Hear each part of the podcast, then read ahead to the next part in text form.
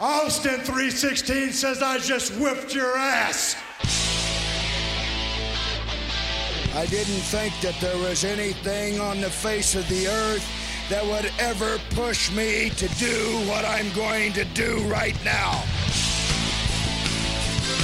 Unjustifiably in a position that I'd rather not be in. But the cream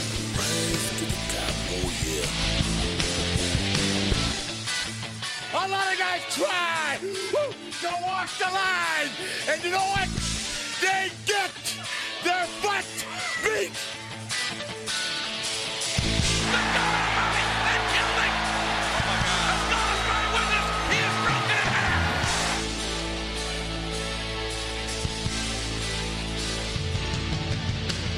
Hallå där ja, och varmt välkomna ska ni vara till ytterligare ett avsnitt av Wrestlingpodden Ringside. Mitt namn är Daniel Sundström och som ni vet så närmar vi oss med stormsteg årets upplaga av WWE Survivor Series. Och precis som jag har klargjort tidigare så ligger ju den här galan mig lite varmt om hjärtat. Jag gillar liksom upplägget med elimineringsmatcher. Jag tycker det finns en charm med den här galan för den sticker ju ut från så att säga alla vanliga galor då. Eh, lite grann som Royal Rumble, den liknelsen gjorde jag också då i förra avsnittet. Och precis då som förra avsnittet handlade om så ska vi idag prata om då en klassisk Survivor Series-gala. Allt för att ladda upp inför årets upplaga. Och vi pratade förra gången om Survivor Series eh, 87 som gör den första Survivor Series-galan som någonsin gick av stapeln. Nu ska vi hoppa tio år framåt i tiden och prata om Survivor Series 1996. Så häng med!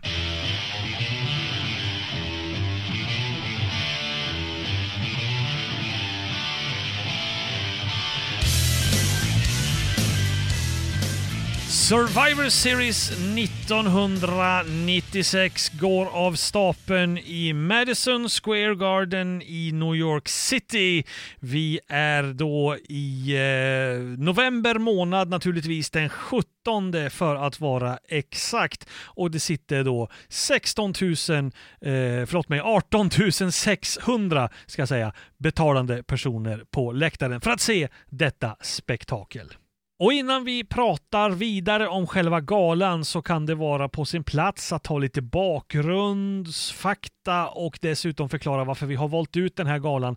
Det har ju att göra med att den här sitter precis på gränsen mellan New Generation-eran och Attitude-eran och det märks jättetydligt om ni försöker hitta en gala, en pay-per-view som, som på något sätt ska personifiera den här situationen där WWF står med ett ben på vardera sida, ja, då kommer ni inte att hitta ett bättre exempel än just Survivor Series 96.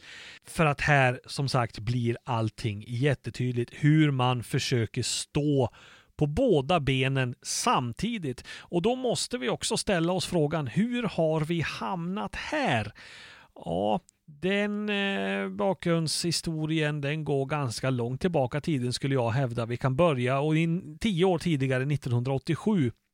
Därför att då har WWF nått någon slags peak efter WrestleMania 3 och efter det så, så går eh, popularitetssiffrorna egentligen bara neråt. Och när vi dessutom kommer in på 90-talet Ja, då har de lite bekymmer med Hulk Hogan. Kanske inte han som person utan snarare att hans popularitet också dalar. Vince McMahon börjar leta någon slags ersättare. Man eh, provar Ultimate Warrior som inte riktigt funkar. Och sen så får vi då också den här eh, rättegångs, eh, rättegången kring anabola steroider. Själva utredningen här drar väl igång någonstans 91-92 och det gör också att WWF då måste så att säga göra sig av med alla sina biffiga muskelberg för att kunna visa upp en produkt som inte är full av suspekta anabola monster. Så då försvinner ju brottare som Barbarian och Warlord oavsett om de är skyldiga eller inte och dessutom under 1992 så försvinner ju Ultimate Warrior och British Bulldog just på grund av att de har fastnat i en sån här anabola härva. Och de försvinner också då ganska plötsligt naturligtvis. Så det här gör att eh, WWFs roster tunnas ut, alltså bokstavligt talat. De brottare som blir kvar, det är inte de här muskelbergarna utan det är de här mindre brottarna av då typen Bret Hart, Shawn Michaels och så vidare. Och när rättegången väl sätter igång så kommer den ta väldigt mycket resurser från WWF i form av pengar och tid och kraft och det gör att själva den egna wrestlingprodukten då blir lidande. 95 dessutom så drar WCW igång Monday Nitro och börjar bli en utmanare på allvar. Detta ska, kan samtidigt då kopplas till att eh, Vince McMahon återigen experimenterar med att försöka hitta någon slags ny Hulk Hogan. Stora killar är det som gäller och just då var han inne i det här dieselprojektet med Kevin Nash som skulle visa sig inte heller riktigt skulle hålla måttet och dessutom hade vi då också sett andra stora killar eh, pushas, till exempel Mabel, King Kong Bundy fick komma tillbaks men det funkar inte riktigt heller. Och det har varit flera avhopp till VCV. Det kanske mest kända var ju då Lex Luger som i premiäravsnittet av Monday Nitro helt plötsligt bara dyker upp där och då har han lämnat WWF en vecka tidigare eller någonting sådant. Och sen under då eh, i början, tidigt 96 eller om det kanske till och med var lite senare under 95 så dyker även Machoman Randy Savage upp där och det börjar liksom fyllas på med, med många av de här publikmagneterna i VCV. Och det här gör att Vince McMahon måste då bemöta detta. Han drar igång sina hånfulla sketcher med Huckster och Nacho Man i början på 96 i någon slags försök att, att liksom ta udden av VCV. Men VCV har faktiskt någonting att falla tillbaks på. Det är att man är lite mer edgy, lite mer vågad än vad WWF är. Dessutom så lider WWF väldigt mycket av att de brottarna man har, inte bara det med att de kanske är små, de är ju dessutom ganska löjliga. Det är väldigt fåniga gimmicks. I många fall handlar det inte ens om att man har en gimmick utan man har ett yrke. Det är väl det. Man är racingförare eller så är man tandläkare eller så är man sopåkare eller så är man någonting annat. Hockeyspelare. Allt möjligt. Istället för att man är någonting annat. Man har någon slags gimmick som man då kan bygga vidare på. Så under 96 så börjar WWF att tänja på gränserna. Det här gör att de hamnar i lite småkonflikt med eh, tv-kanaler och så vidare. Om eh, så här, kan ni verkligen göra så här? Är det här verkligen okej? Okay? Karaktären Goldust är ju ett praktexempel här. Men man fortsätter just för att man, man, eh, man vill skaffa sig mer attityd. Och sen är vi då framme vid Survivor Series 96 och här kan man ju säga att efter den här galan då börjar Attitude-eran på riktigt. Här ser vi väldigt mycket av de här embryona till just det det som vi så att säga förknippar med Attitude-eran och jag kommer att prata om dem alldeles, alldeles strax. Men det är lite grann bakgrunden till den här galan och dessutom varför den i många läger är väldigt, väldigt populär och i andra läger kanske inte alls så jättemycket populär. Och jag är väldigt, väldigt kluven. Jag kommer att prata mer om det senare. Men för mig handlar det här om, är det här en bra gala eller inte? Och för mig handlar det uteslutande om vad det är man vill lägga sin tonvikt på när man gör den bedömningen. Som helhet så blir det ett blö och det kommer jag förklara därför att det finns saker som är väldigt, väldigt bra men det finns också saker som är väldigt, väldigt dåliga och väldigt lite däremellan. Och jag tänkte att vi skulle kunna ta och börja prata med de saker, eller prata om de sakerna som är väldigt, väldigt dåliga. Och vilka saker är det då som är dåliga i det här fallet? Ja, för att vara en Survivor Series-gala så är det faktiskt något så konstigt som att det är Survivor Series-matcherna som inte håller måttet. Och det gör att, tittar man på den här galan som en, om man tänker sig att oh, det är Survivor Series så det ska vara en Survivor Series-gala, då är den inte godkänd. Den är inte ens i närheten skulle jag vilja hävda. Utan det finns annat som gör att man då kan kanske argumentera för att det är en bra gala och det kommer vi till senare. Men om vi tar och tittar då på de här Survivor Series-matcherna och varför de inte, enligt mig, inte riktigt funkar eh, så, så, eh, så kan vi åtminstone konstatera så här. Det är väldigt lite toppgubbar med i de här matcherna och det gör att det liksom eh, udden försvinner ju någonstans. De blir inte lika viktiga. Om vi jämför då med 1987, det som vi avhandlade i förra avsnittet, så där är ju alla med. Alla toppgubbarna är med och så är det naturligtvis mycket utfyllnad, vilket det blir i, i, i sådana här sammanhang. Men här finns det inte en enda toppgubbe med, utan de håller på med annat. Så de här Survivor-matcherna, de blir liksom någonting vid sidan av. Det här är inte huvudproblemet, men det är ett av problemen. Nu kan vi gå över och prata om de här matcherna en och en faktiskt. Och är det så att ni har den här galan på någon Silvervision, VHS eller DVD eller vad ni nu har. Så första matchen kommer ni att ha sett då. Tittar ni på WWE Network så tror jag faktiskt inte den här matchen är med, vilket är lite undligt. Men det är en eh, free for all elimineringsmatch. Och där har vi då brottare som Aldo Montoya, Bart Gunn, Bob Holly och Jesse James som möter Billy Gunn, Justin Hawk Bradshaw, Salvatore Senser och The Sultan. Och här blir ett annat problem väldigt tydligt och det är att man uppenbarligen i många fall inte verkar veta vad det är man håller på med när det gäller att försöka ge folk gimmicks och personligheter. Titta bara vilka som är i ringen här. Aldo Montoya som ska vara någon slags Portuguese man of war. Det är ju PJ Walker med någon slags eh, jockstrap som det heter, alltså pungskydd mer eller mindre över ansiktet. Det ser jättefånigt ut. Bart Gunn och Billy Gunn är i olika team av någon anledning som inte riktigt förklaras här, men förmodligen är de väl lite ovänner och det här är väl början på då Billy Gunns eh, heel turn. Jesse James är ju Road Dog, eller Roadie som han hette när han var någon slags manager eller vad han nu var. Eller han var en roadie, så det kan vi väl kalla honom för. Det var därför han hette som han hette. Han var en roadie åt Jeff Jarrett och hade en fade med Jeff Jarrett som skulle handla om att det egentligen inte var Jeff Jarrett som var den här countrystjärnan och hade spelat in sina låtar utan att det var Roadie som hade gjort det. Men sen så har ju Jeff Jarrett försvunnit på vägen. Han är ju VCV över det här laget. Så Jesse James, som här kallar sig för The Real Double J han driver ju den här fejden vid. Han fejdar med en kille som inte ens är kvar och det blir, han blir ju bara någon slags eh, blek kopia av Jeff Jarrett som absolut inte funkar. Justin Hawk Bradshaw, det här är ju hans första gimmick och det här Bradshaw-namnet kommer ju hänga med hela karriären sen. Salvatore Senser, eh, han framstår som någon slags blek kopia på Rick the Model Martell. Kanske mest bara på grund av att han brottas i rosa byxor men också just att han ser, han ser lite lite småarrogant ut. Och ja, jag vet inte vad det här är för någonting egentligen. The Sultan, det är ju eh, Fatou. Och han kommer ju gå igenom en rad olika gimmicks innan man till slut landar då i Rikishi-gimmicken. Han eh, har ju jätteproblem med att liksom hitta någon slags fotfäste efter Headshrinkers-epoken. Men det här med, och här brottas han, det här, han är ju dessutom maskerad här, men, men, men det här märks ju att man har alltså då jätteproblem med att liksom veta vad man ska göra av folk och man provar allting. Det är liksom ena sidan, det är därför jag menar med att WWF står på, liksom, eller WWF ska jag säga, står på två ben. Dels har vi den här, det här benet och sen har vi då den här mer edgy, det här mer vågade benet som, som eh, vi kommer att se exempel på senare.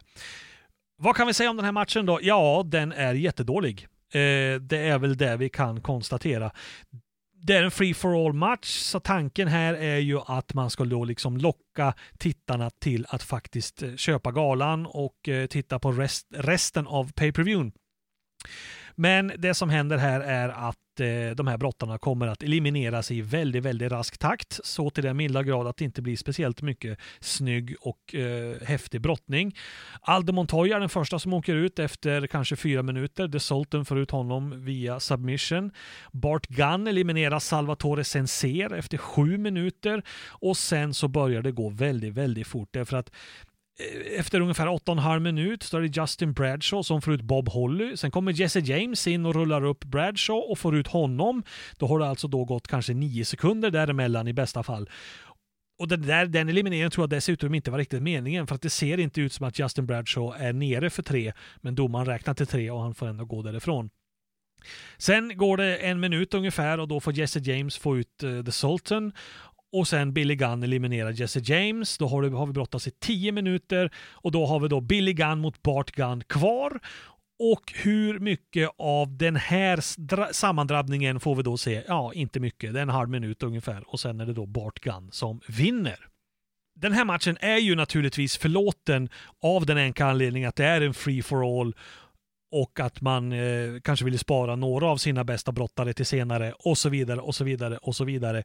Men det blir ändå ingen bra match och jag har ju alltid haft den inställningen att om du levererar en free for all eller en kick-off show eller en pre-show eller du får kalla det vad sjutton du vill varför slänger man då inte in en riktigt, riktigt bra match där för att locka folk till att skaffa sin pay-per-view? De enda som har gjort detta någorlunda bra emellanåt på sista tiden, det är väl WWE.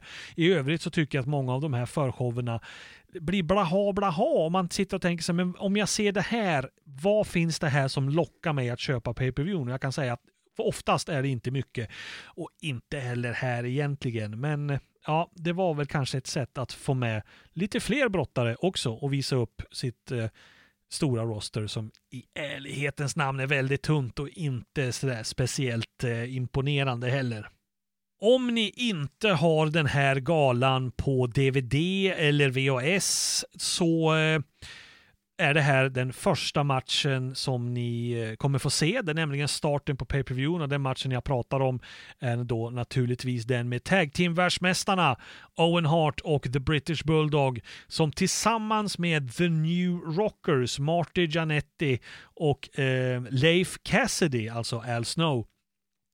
De ska då möta eh, The Godwins, Henry och Godwin, Phineas och Godwin och de som gör debut i, inte bara i WWF, eller inte bara på den här galan, utan i WWF överlag, nämligen Phil Lafon och Dog Furness om man någonsin undrar över Vince McMahons syn på människor från den amerikanska södern så behöver man inte titta så mycket längre än till just The Godwins. De är grisfarmare, eh, de luktar illa, de har med sig en hink med massa slask i och så dessutom då så för att eh, trycka hem det här eh, budskapet lite ytterligare så tittar man på deras namn så Henry O. Godwin, de initialerna bildar ju ordet HOG och Phineas I. Godwin bildar ju ordet PIG bara för att man ska vara så att säga övertydlig.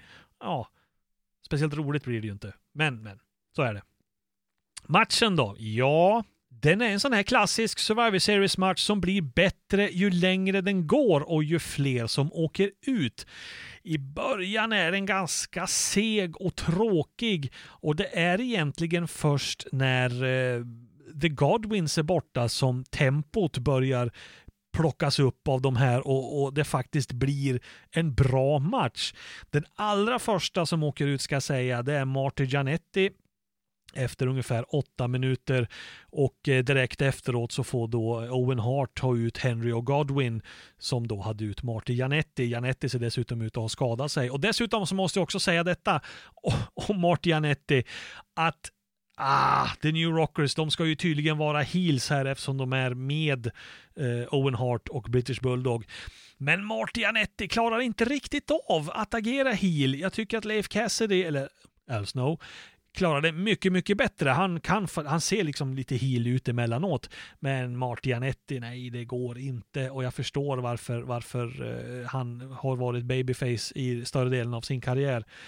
Nej, det funkar inte riktigt. Men Martianetti åker ut i alla fall väldigt tidigt. Eh, eller väldigt tidigt, men han åker ut efter åtta minuter. Direkt efteråt så åker eh, Henry och Godwin ut. Och sen så går det nog inte ens en minut heller så får British Bulldog göra en power slam på Phineas I Godwin och få ut honom. Och då har vi brottats kanske 9-10 minuter av den här matchen. Och då börjar liksom helt plötsligt matchen bli intressant när vi fått ut de här, jag ska inte säga stångkorvar, men de är lite små, tråkiga och inte jätteroliga att se på och inte superbra brottare heller de här två Godwins. Så när de försvinner, ja då, då går det att eh, brottas ut på ett helt annat sätt. Och Furnace och Lafon får faktiskt möjligheten att riktigt imponera på publiken och jag gillar ju de här två som ett tag team. Väldigt skickliga brottare. Dessutom eh, ser de muskulösa ut så man kan faktiskt köpa dem som lite muskelberg också. Eh, stora, starka. Och riktigt, riktigt eh, snygga grejer gör de. Leif Cassidy elimineras av Phil Lafon efter att ha råkat ut för en reversed eh, suicide plex blir det väl, superplex vad det nu blir, ifrån topprepet. Det vill säga där han liksom då landar på magen istället för att landa på ryggen. Eh, och man hör på, på publiken att det här är någonting som vi inte har sett förut. Eh, riktigt effektfullt. Sedan så får Filafon också då eliminera British Bulldog när vi då sen har Bulldog och Hart kvar mot Lafon och Furness. Och Filafon får då ut eh, British Bulldog vilket gör att Owen Hart blir ensam kvar. Och han gör vad han kan och Bulldog försöker ju också hjälpa till efter att han åkt ut genom att sänka knät på Filafon. Men det vill sig inte riktigt och efter drygt 20 minuter så är det Dog Furness som avslutar matchen genom att få pinfall på Owen Hart. Och det här chockar ju publiken. Tag Team-världsmästarna har fått spö av eh, de här två nya grabbarna, killarna som ingen har sett förut och som inte har gått en match i hela förbundet och helt plötsligt kommer de in här i en Survivor-match och vinner matchen båda två, Phil Lafon och Dog Furness. Eh, och det liksom vid första anblicken kunde man tycka att det här var intressant gjort och snyggt gjort och precis som jag sa, eh, ni som lyssnade på förra avsnittet när jag pratade om Survivor Series eh, 87 så gillar jag då att man liksom tryck på det här med att Survivor Series ska vara oförutsägbart och bara för att man har någorlunda större namn i en match så behöver det inte betyda att de måste vara kvar till slutet eller vinna. Och här så är det då de som gör debut och som är någorlunda okänd, för att inte säga helt okänd för många eh, i den här WWF-publiken. Då låter man dem vinna och så får vi då det här eh, dels chockresultatet men också att det blir en jättepush för de här. Och det här drar ju då dessutom igång en liten fade då med Bulldog Owen Hart som kommer att pågå i ett par månader. Så ja, vid första anblicken kan man säga att jag är positiv till detta. Men sen kan vi då ta nästa exempel. Vi kan gå till den nästa elimineringsmatchen som kommer på galan. Då har vi då ett team som består av eh, Crush, Goldust, Jerry Lawler och Hunter Hurst Helmsley. De möter Jake the Snake Roberts, Mark Mero, The Stalker som är Barry Windham och dessutom Babyface av någon anledning. Jag vet inte varför en Stalker skulle vara Babyface, men så är det här i alla fall. Ytterligare ett konstigt sätt, eh, precis som jag pratade om tidigare, ytterligare en konstig grej av WWF att göra när man bara försöker kasta på någon brottare någon slags gimmick eller namn eller vad det nu är ja, jag vet inte. Han, jag tror att han i, i, i promos faktiskt var, började som heel. Men, men ju längre de här promosarna kom så, så blev han babyface och sen när han väl gjorde debut så var han babyface bara. Kallas då för The Stalker, men, men kommentatorerna gör bort sig och kallar honom för Barry Windham ganska omedelbart. Hur som helst, de har också med sig en fjärde gubbe naturligtvis och det är ingen mindre än Rocky Maivia som gör sin debut i förbundet och det här var ju någonting som WWF pushade väldigt hårt.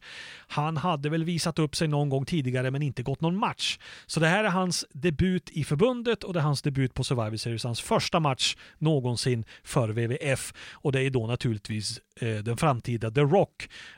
Och anledningen till att han heter Rocky Maivia här, det är för att man då har tagit hans pappas namn, Rocky Johnson, och blandat det med om det är hans farfar eller morfars namn, eh, Peter Maivia. Och så ja, blev det på det sättet. Och vad kan vi säga om den här matchen då? Ja, den här är väl inte speciellt bra den heller egentligen, även om det finns några brottare här som jag faktiskt gillar. Jake Roberts gillar jag ju, även om 96 var han kanske inte på topp om vi säger så. Eh, Crush gillar jag också. Han har ju någon slags då fängelsegimmick här. Han har ju då faktiskt suttit i fängelse på riktigt eh, tidigare under året och eh, då har man då gjort det till hans gimmick. Den här matchen återupplivar också då fejden mellan Jerry Lawler och Jack Roberts. De har fejdat eh, egentligen hela året. Bland annat gått en match på SummerSlam som Jerry Lawler vann. Och nu får Jack Roberts lite grann revansch här. Han får nämligen göra in sin DDT på Jerry Lawler och kan få pinfall på honom efter ungefär 10 minuter. Och eh, sedan så eh, är det Stalker som åker ut. Goldust eliminerar honom efter 13 minuter. Mark Mero eliminerar Hunter Hurst Helmsley. Då har vi brottats 20 minuter. Så ni märker att här, här drar man ut då lite grann på de här elimineringarna. Det går inte lika fort. Crush gör sedan processen kort med både Mark Mero och Jake Roberts. De två åker ut inom loppet av 30 sekunder. Och då har vi Crush och Goldust kvar på ena sidan. Och vem är då kvar på den andra sidan? Jo, Rocky Maivia. Och naturligtvis så är det då Rocky Maivia som vinner. Crush och Goldust alltså får bearbeta honom i ett par minuter men sedan så är det Rocky Maivia som gör processen kort med eh, Crush och Goldust. Alltså, Crush missar sin heart punch på Rocky Maivia. Det är hans nya finisher av någon anledning. Och Goldust alltså är det som håller i Rocky Maivia. Men när han duckar, ja då sänker ju Crush honom istället. Och så kan ju då eh, Maja Via gör pinfall på Crush och sedan på Goldust eftersom Goldust inte riktigt hinner hämta sig efter den här heart-punchen. Och efter då 23 minuter, 24-25 minuter kanske, vad det nu kan bli, så är det Rocky Maivia som vinner. Och det är här jag börjar få problem med WWFs bokning. Det är här som liksom nöjet med Phil Lafon och Dog Furness vinst också avtas eller försvinner lite grann. För att det här har vi redan sett. Det är en sak att vi plockar in någon slags debutant eller debutanter som får gå sin första match i förbundet och som råkar vinna sin Survivor Series-match. Där har vi chockvärde, här har vi då oförutsägbarheten i Survivor Series och elimineringsmatcher. Men när det händer i de två fallen som vi har, alltså till 100 procent, så är det så att de som gör sin debut här, de vinner sina matcher. Det känns inte riktigt helt okej. Okay. Jag tycker att det blir nej, det blir inte bra. Jag hade hellre då sett om man vill pusha Rocky Maivia genom att låta honom vinna sin match. Boka om då Phil och Dog Furnas så att de, även om de kanske inte vinner, men att de ändå får se riktigt, riktigt starka ut och pusha dem på det sättet istället. Här använder man ju samma bokning på båda, eller på båda, men på alla tre, i båda fallen och det blir tjatigt. Man har sett det här en gång och jag blir faktiskt inte lika glad eller chockad eller förvånad eller vilken känsla WWF nu ens är, är, är ute efter när Rocky Maivia vinner. För att ah, jag har sett det redan. Det, nej, det funkar inte riktigt. Jag önskar att man hade gjort det här annorlunda och tänkt till. Även om jag förstår hur man tänker att man vill pusha alla tre och det är väl en sak tycker jag om det är så att man, man tar samma grepp, man, samma bokning och så återanvänder man det men att man gör det vid ett annat tillfälle. Det har vi ju sett tusen gånger tidigare. Jag kan bara rycka ett exempel ur, ur arslet höll jag på att säga, men vi kan prata om Bad News Brown som på ett Survivor Series 88 råkar bli slagen av sin teamkamrat, blir förbaskad och går därifrån och blir uträknad och eliminerad. För att då understryka att han är ingen lagspelare, han är en ensam räv, han funkar inte i tag teams eller han funkar inte i grupp. Och så blir det här missförståndet och så sticker han därifrån. Det här återanvänder man sen 1989, när han, det händer exakt samma sak någon i hans team råkar slå till honom, han blir förbannad och så går han därifrån och blir uträknad det kan jag också tycka lite så men det här såg vi ju förra året, men det har ändå gått ett år emellan. Här är det samma sak som händer med, då har vi kanske haft en match eller någonting emellan de här två. Nej, det blir inte bra. Det blir inte bra och jag kan inte tycka att Rocky Majavias vinst är lika stor och häftig som jag då tyckte när Phil Lafon och Doug Furnas vann. Och i och med att det händer en gång till så tycker jag heller inte att Lafon och Furnas vinst blir lika häftig. Tyvärr. Och en annan sak som faktiskt är ett stort tyvärr, det är att vi har sett de bästa Survivor-matcherna som den här galan har att erbjuda. Det är visserligen en kvar, men den faller platt som en pannkaka. Och det är dessutom en sån här typisk eh, popcornmatch. Här behöver man slänga in någonting innan main eventet och då, då, då blir det som det blir. Här har vi då Yokozuna, Savio Vega, Jimmy Snuka och Flash Funk alltså Two Cold Scorpio, men det kan han ju inte heta, man måste ge något nytt namn. Så Flash Funk får han heta, mot Vader, Razor Ramon, Diesel och Farouk. Och då tänker vän av ordning, men vänta lite nu, Diesel och Razor Ramon, här, Survivor Series 96, är inte de i WCW? Jo, det är de faktiskt. Åtminstone Kevin Nash och Scott Hall. Men då hade ju någon i något snille i WWF kommit på, Vince McMahon förmodligen, eller så var det någon som påpekade för honom att ja, du äger ju inte eh, Kevin Nash och Scott Hall, men du äger ju deras gimmick Diesel och Race Ramon som var två väldigt populära karaktärer. Kan vi inte bara sätta in två andra i de här rollerna och så kan vi ha kvar karaktärerna? Jo, säger Vince McMahon, det här är nog bland det bästa jag hört någonsin i hela mitt liv. Och så blev det så. Och aldrig någonstans på vägen är det någon som tar ansvaret och går in och säger åt honom att detta är nog den sämsta idén någonsin. För att det blir inte bra. Publiken köper ju inte detta för fem öre. Race Ramon gestaltas av Rick Bogner och Diesel gestaltas här av Glenn Jacobs som sen skulle gå vidare och bli eh, Kane och då få en ganska lång och, eh, vad ska man säga, lyckosam karriär faktiskt. Och matchen då? Ja, det tar visserligen ett tag innan första killen åker ut. Det tar knappt 10 minuter. Då är det Diesel som har ut Savio Vega. Och eh, sedan så ballar det ur ganska så omgående, inte direkt på men nästan. Jimmy Snuka har ut Race Ramon efter att ha gjort sin eh, splash från topprepet och då bryter helvetet lös. Och Farouk och Vader, Diesel, Flash Funk, Jimmy Snuka och Yokozuna alla inne i ringen och slåss hej vilt vilket leder till att eh, domaren väldigt, väldigt kort efter diskvalificerar alla. Så två elimineringar efter knappt 10 minuter och eh, en halv minut eller någonting efter det, då är matchen slut och alla har blivit diskvalificerade. Så den här matchen blir faktiskt en no contest och jag tror det är första gången i Survivor Series historia som vi får en elimineringsmatch där ingen har vunnit. Ja, men speciellt bra, det var det definitivt inte. Besvikelsen över Diesel och Ramon till exempel. Eh, Yokozuna ser ju större ut än någonsin och, och, och gör inte mycket väsen av sig. Och, ja, nej, det här var bara, bara, bara utfyllnad och inte bra alls. Så som ni märker så har jag inte sådär jättemycket positivt att säga om de här elimineringsmatcherna som Survivor Series 96 levererar. Och ska man titta på den här galan som en, en eh, så att säga, då, i, i benämningen Survivor Series, Ska man då titta på den här galan som en Survivor Series-gala där vi betonar då elimineringsmatcherna så är det här förmodligen en av de sämsta som jag någonsin har sett. Men det finns ju då annat som lyfter den här galan och eh, vad är då det? Jo, det är tre helt vanliga singelmatcher som hade kunnat vara med på vilken gala som helst.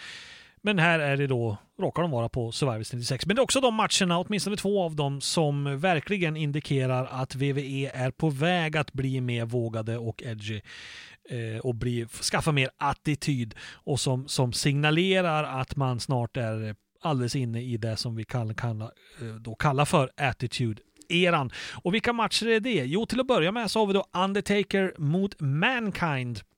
Och de här har ju då fejdat med varandra under hela året. Började väl på King of the Ring, de gick Boiler Room Brawl match på SummerSlam 96 där Paul Bearer vänder mot eh, Undertaker och eh, tar Mankinds sida. Så han är ju med Mankind in här. Och eh, här får vi då ytterligare en match mellan de här två, någonting som ska väl verka vara som någon slags blow-off match. Och här märker vi också, det är här då som, som eh, det man påpekar då när man tittar på alla de här tecknena på vad det är som gör att den här galan då glider över mot Attitude-era-hållet. Så tittar man på Undertakers kläder och här är han mycket mörkare. Han är också mycket mer brutalare i sin brottning. Det är en mycket hårdare match, det är en tuffare match. Eh, en väldigt, väldigt, väldigt bra match, men, men det tror jag nog inte att det är någon som blir speciellt förvånad över när jag säger att det är Undertaker och Mankind som är involverad. De här två passade varandra väldigt, väldigt bra och jag tror inte att de har gått någon dålig match mot varandra någonsin egentligen, inte som jag har sett i alla fall. Eh, och den här matchen blir också då eh, väldigt, väldigt bra eh, och den slutar då med att Undertaker naturligtvis vinner och det, det jag, jag har liksom inte så mycket att säga om den här matchen egentligen efter att ha sett eh, några av de här Survivor-matcherna så kommer ju den här matchen då in och liksom lyfter upp alltihopa. Innan dess har vi då haft Free For All-matchen och så har vi då sett Dog Furnace och Phil Afon vinna sin match. Och det är på något sätt som att den här matchen ändrar atmosfären inne i arenan på något sätt. Alltså den, den, är inte som alla andra. Man märker att det är någonting speciellt med den. Den är lite, som jag sa, mörkare, hårdare, lite mer brutalare, lite mer edgy, om vi nu ska överanvända eh, det ordet.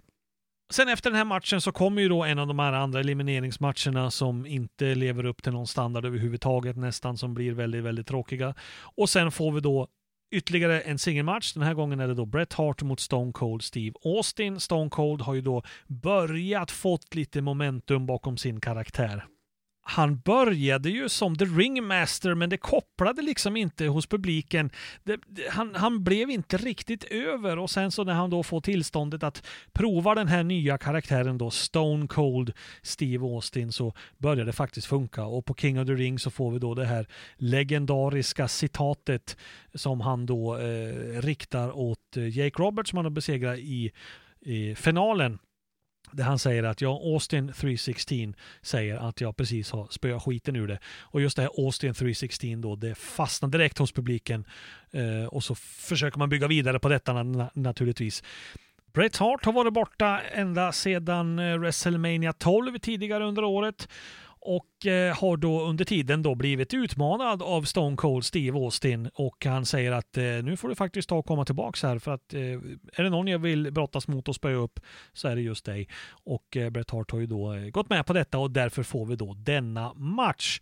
Och eh, när man pratar om då Bret Hart mot Steve Austin då tänker man väl kanske framförallt på deras match från 97 på WrestleMania 13 den som eh, har fått eh, epitetet klassiker, eh, kanske inte helt eh, felaktigt, tycker väl jag. Men det är nästan lite synd att det är den enda matchen man tänker på, därför att den här matchen Ja, den kommer väl inte upp riktigt i samma standard, det gör den väl inte, men den är väldigt, väldigt, väldigt bra. Steve Austin är väl fortfarande lite grön i sin karaktär. Han behöver bygga upp sig fortfarande. Eh, och Hitman är ju Hitman så han kan ju naturligtvis leverera. Så de här får ju till den fenomenal match som dessutom får gott om tid på sig. Bortåt 25 minuter får de hålla på. Och eh, det som är intressant med den här matchen är också då att det här bygger ju då sedan vidare hela vägen till WrestleMania där de här sen då kommer mötas återigen. Och eh, är det någon match som jag tycker att man behöver se från den här galan, om jag ska rekommendera en match, då rekommenderar jag faktiskt den här. Är man ett stort Undertaker-fan då ska man naturligtvis se Undertaker mot Mankind och eh, egentligen spelar det väl ingen roll vilken av de matcherna som man ser. De är annorlunda de här två matcherna, men de är eh, skulle vilja säga lika bra fast på olika sätt då. Men eh, jag rekommenderar ändå mest Hitman mot Austin faktiskt. Och dessutom, den som vinner den här matchen, den blir ju då förstutmanare om världsmästartiteln. Och det är Bret Hart som går segrande ur den här striden. Det är väl i och för sig inte sådär jätte jättekonstigt om man tänker sig vilken position de här två har i förbundet vid den här tiden. Austin skulle ju få eh, göra raketkarriär inom kort, men än är han inte riktigt där. Men den här matchen visar också att WWE försöker bli lite mer vågad och lite mer edgy då. Jättebra match som jag varmt kan rekommendera. Sedan har vi då en match kvar på den här galan. Det är världsmästaren Shawn Michaels som ska försvara bältet mot Psycho Sid. Och det som är så intressant här, det är ju att det här egentligen skulle ha varit Vader mot Shawn Michaels. De har ju mött varandra tidigare under året. Alla kommer väl ihåg eh, matchen på SummerSlam där Shawn Michaels ballar ur vid ett tillfälle det, det, som händer är att eh, de här två inte passar varann överhuvudtaget. Vader är Vader och han brottas fysiskt och hårt. Shawn Michaels vid den här tiden har ju enorma attitydproblem. Och eh, han är en gudabenådad brottare, eller han var ska jag säga, och problemet var att han visste om det. Han visste att han var hur fenomenalt bra som helst och att han var otroligt värdefull för WWF. Och det här gjorde att han fick ett ego och en attityd som många beskriver som ett av de största problemen i WWF under den här tiden. Det fanns många problem, men bland annat då Shawn Michaels attityd och att man dessutom la världsmästarbältet på honom och att han skulle då vara den som skulle bära förbundet. Det vi skulle visa sig inte riktigt funka. Han, han höll inte för det trycket och det har han väl också erkänt efteråt att det blev helt enkelt för mycket för honom. Men han kom inte överens med Vader. Han hade till och med vid något tillfälle hotat Vader under någon match att om du fortsätter så här så ska jag fan med se till att du får sparken. Och sen så, då, så slopar man då eh, den här matchen mellan Michaels och Vader på Survivor Series och istället så ringer man in Psycho Sid som egentligen hade lagt av och brottas och var väl hemma på sin gård och höll på ute i trädgården eller vad han nu gjorde. Så då är det Psycho Sid i alla fall som, eh, som får gå den här matchen mot Shawn Michaels. Och Michaels och Psycho Sid är ju mer kompisar än vad Michaels och Vader var. Så att eh, av den anledningen så funkar ju den här matchen det som är intressant här också är ju det eh, faktumet att Psycho Sid har faktiskt ett ganska betydande stöd hos publiken, vilket blir lite, lite intressant. För att Shawn Michaels har ju då med sig José Lothario som då ska vara hans eh, gamla tränare och så vidare. Eh, och han ska ju då, han blir väl skadad vid något tillfälle under den här matchen också och, och, och det ska liksom bli sympatier kring detta. Men publiken vill inte riktigt vara med på det. Och sen avslutas då alltihopa efter ungefär 20 minuter med att Psycho Sid sänker Shawn Michaels utanför ringen med en, en kamera, alltså en sån där axelvideo filmkamera eh, och sen rullar in honom i ringen och så ger honom en powerbomb och så har vi då en ny världsmästare. Hela grejen med det här är att det här ska ju då bygga vidare mot Royal Rumble som kommer att gå i Shawn Michaels hemstad och man vill ha lite då det här Hometown Hero som ska komma tillbaka och återta titeln. Så att, eh, det var aldrig tänkt att eh, Psycho Sid skulle bli någon långvarig världsmästare, men det var ändå rätt intressant att han fick ta titeln här visar ändå lite grann av att man kanske inte riktigt litade på att Michaels skulle kunna hålla måttet. Sen hade jag kanske hellre velat sett Vader i den här rollen. Men med tanke på relationerna med Shawn Michaels så är det kanske förståeligt att han byttes ut. Så vad kan vi då säga om den här galan? Jag sa tidigare att jag var väldigt kluven. En del tycker att den här galan är jättebra, ett, en av de bättre eh, Survivor Series-galorna som någonsin har hållits. Andra tycker att det är precis raka motsatsen. Och jag står någonstans mitt emellan därför att det handlar precis om, som jag sa, vart man lägger eh, sin tyngdpunkt eller vad det är man väljer att fokusera på. Det finns bra matcher här, absolut, men det är singelmatcherna eh, och, och, tycker man om dem då kan man verkligen säga att det här är en bra gala. Eh, tycker man om Survivor Series och Survivor Series-matcher så tycker inte jag att de här Survivor Series-matcherna håller måttet. Det dessutom förtar det mycket av eh, det här eh, chockvärdet när det vi i, i samtliga fall med debutanter får eh, debutantvinster. Eh, och det tycker jag blir tjatigt och lite tråkigt. Hade det varit i en match då hade jag kunnat köpa det och tyckt att det hade varit bra. Men jag tycker att det blir inte riktigt bra när man gör på det här sättet. Och Survivor-matcherna överlag är inte speciellt bra heller. Furnace Lafon-matchen blir bra. Eh, andra halvan av den, men de andra blir, eh, ah, de är ganska medelmåttiga och framförallt den sista när alla blir diskvalificerade till slut, den är ju, den är ju bara kalkon. Så det beror på vad, vad det är man tycker är bra. Som helhet så jag menar, tycker jag att de här tar ut varann och galan blir så här meh, precis som jag sa alldeles i inledningen. Vill man ha Survivor Series och bra elimineringsmatcher, då kan jag säga nej, titta inte på den här galan. Vill man se bra singelmatcher, vill man se eh, en liten hårdare, tuffare Undertaker mot Mankind, ja, se den här galan. Vill man se Stone Cold Steve Austin i början på sin karriär innan det lyfter på allvar i en riktigt bra match mot Bret Hart, ja, då kan man se den här galan. Psycho Sid mot Shawn Michaels är väl ingen match som sådär riktigt sticker ut. Den är inte heller jättedålig.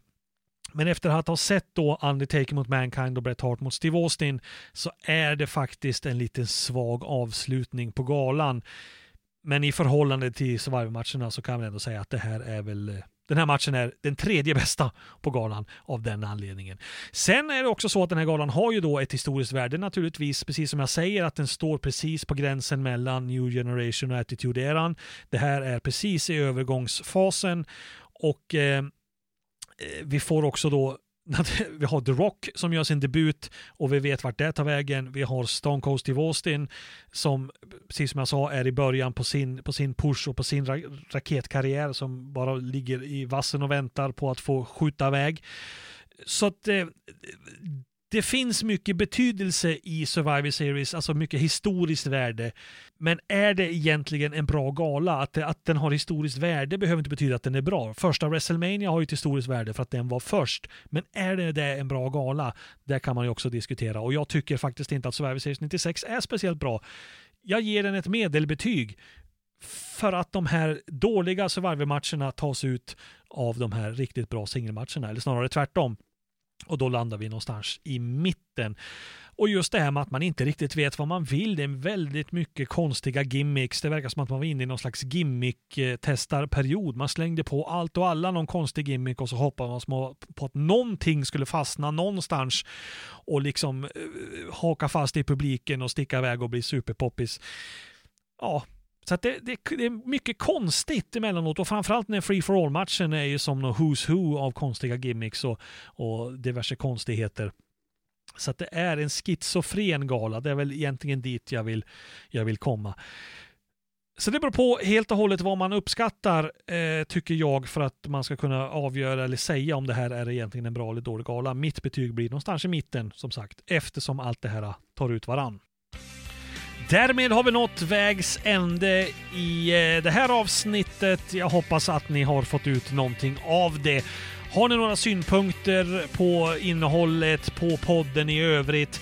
Håller ni med min slutledning? Tycker ni att det här är det bästa Survivor Series eller det sämsta eller någonstans däremellan? Hör gärna av er. Podcast danielsundström.se är e-postadressen eller Facebook-sidan Ringside. Där kan ni också skriva en kommentar. Och eh, stort tack för att ni har varit med i det här programmet. Och vi hörs när vi hörs. Adjö!